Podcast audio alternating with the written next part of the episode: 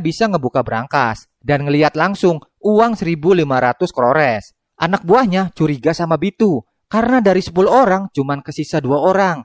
Anak buahnya langsung nodongin senjata karena takut dibunuh sama Bitu. Dan ternyata benar, sebuah alat berat ngancurin tembok dan langsung kena anak buah Bitu hingga tewas. Bitu pakai alat derek buat narik uang itu. Setelah uang tersebut berhasil dipindahkan ke mobil kontainer, Bitu langsung nembak operator mesin derek sampai koit. Raffi naik mobil polisi menuju ke VICB Bank. Namun, Bitu berhasil kabur.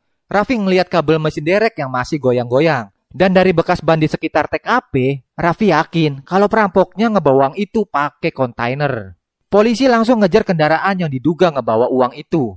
Dari jauh, Bitu tahu kalau mobil yang ngebawa uang diikuti polisi. Bitu ngasih tahu ke supir kontainer untuk pergi ke tempat pembuangan sampah dan markirin mobilnya di sana. Biar nggak ketahuan, Bitu juga nyuruh supir kontainer buat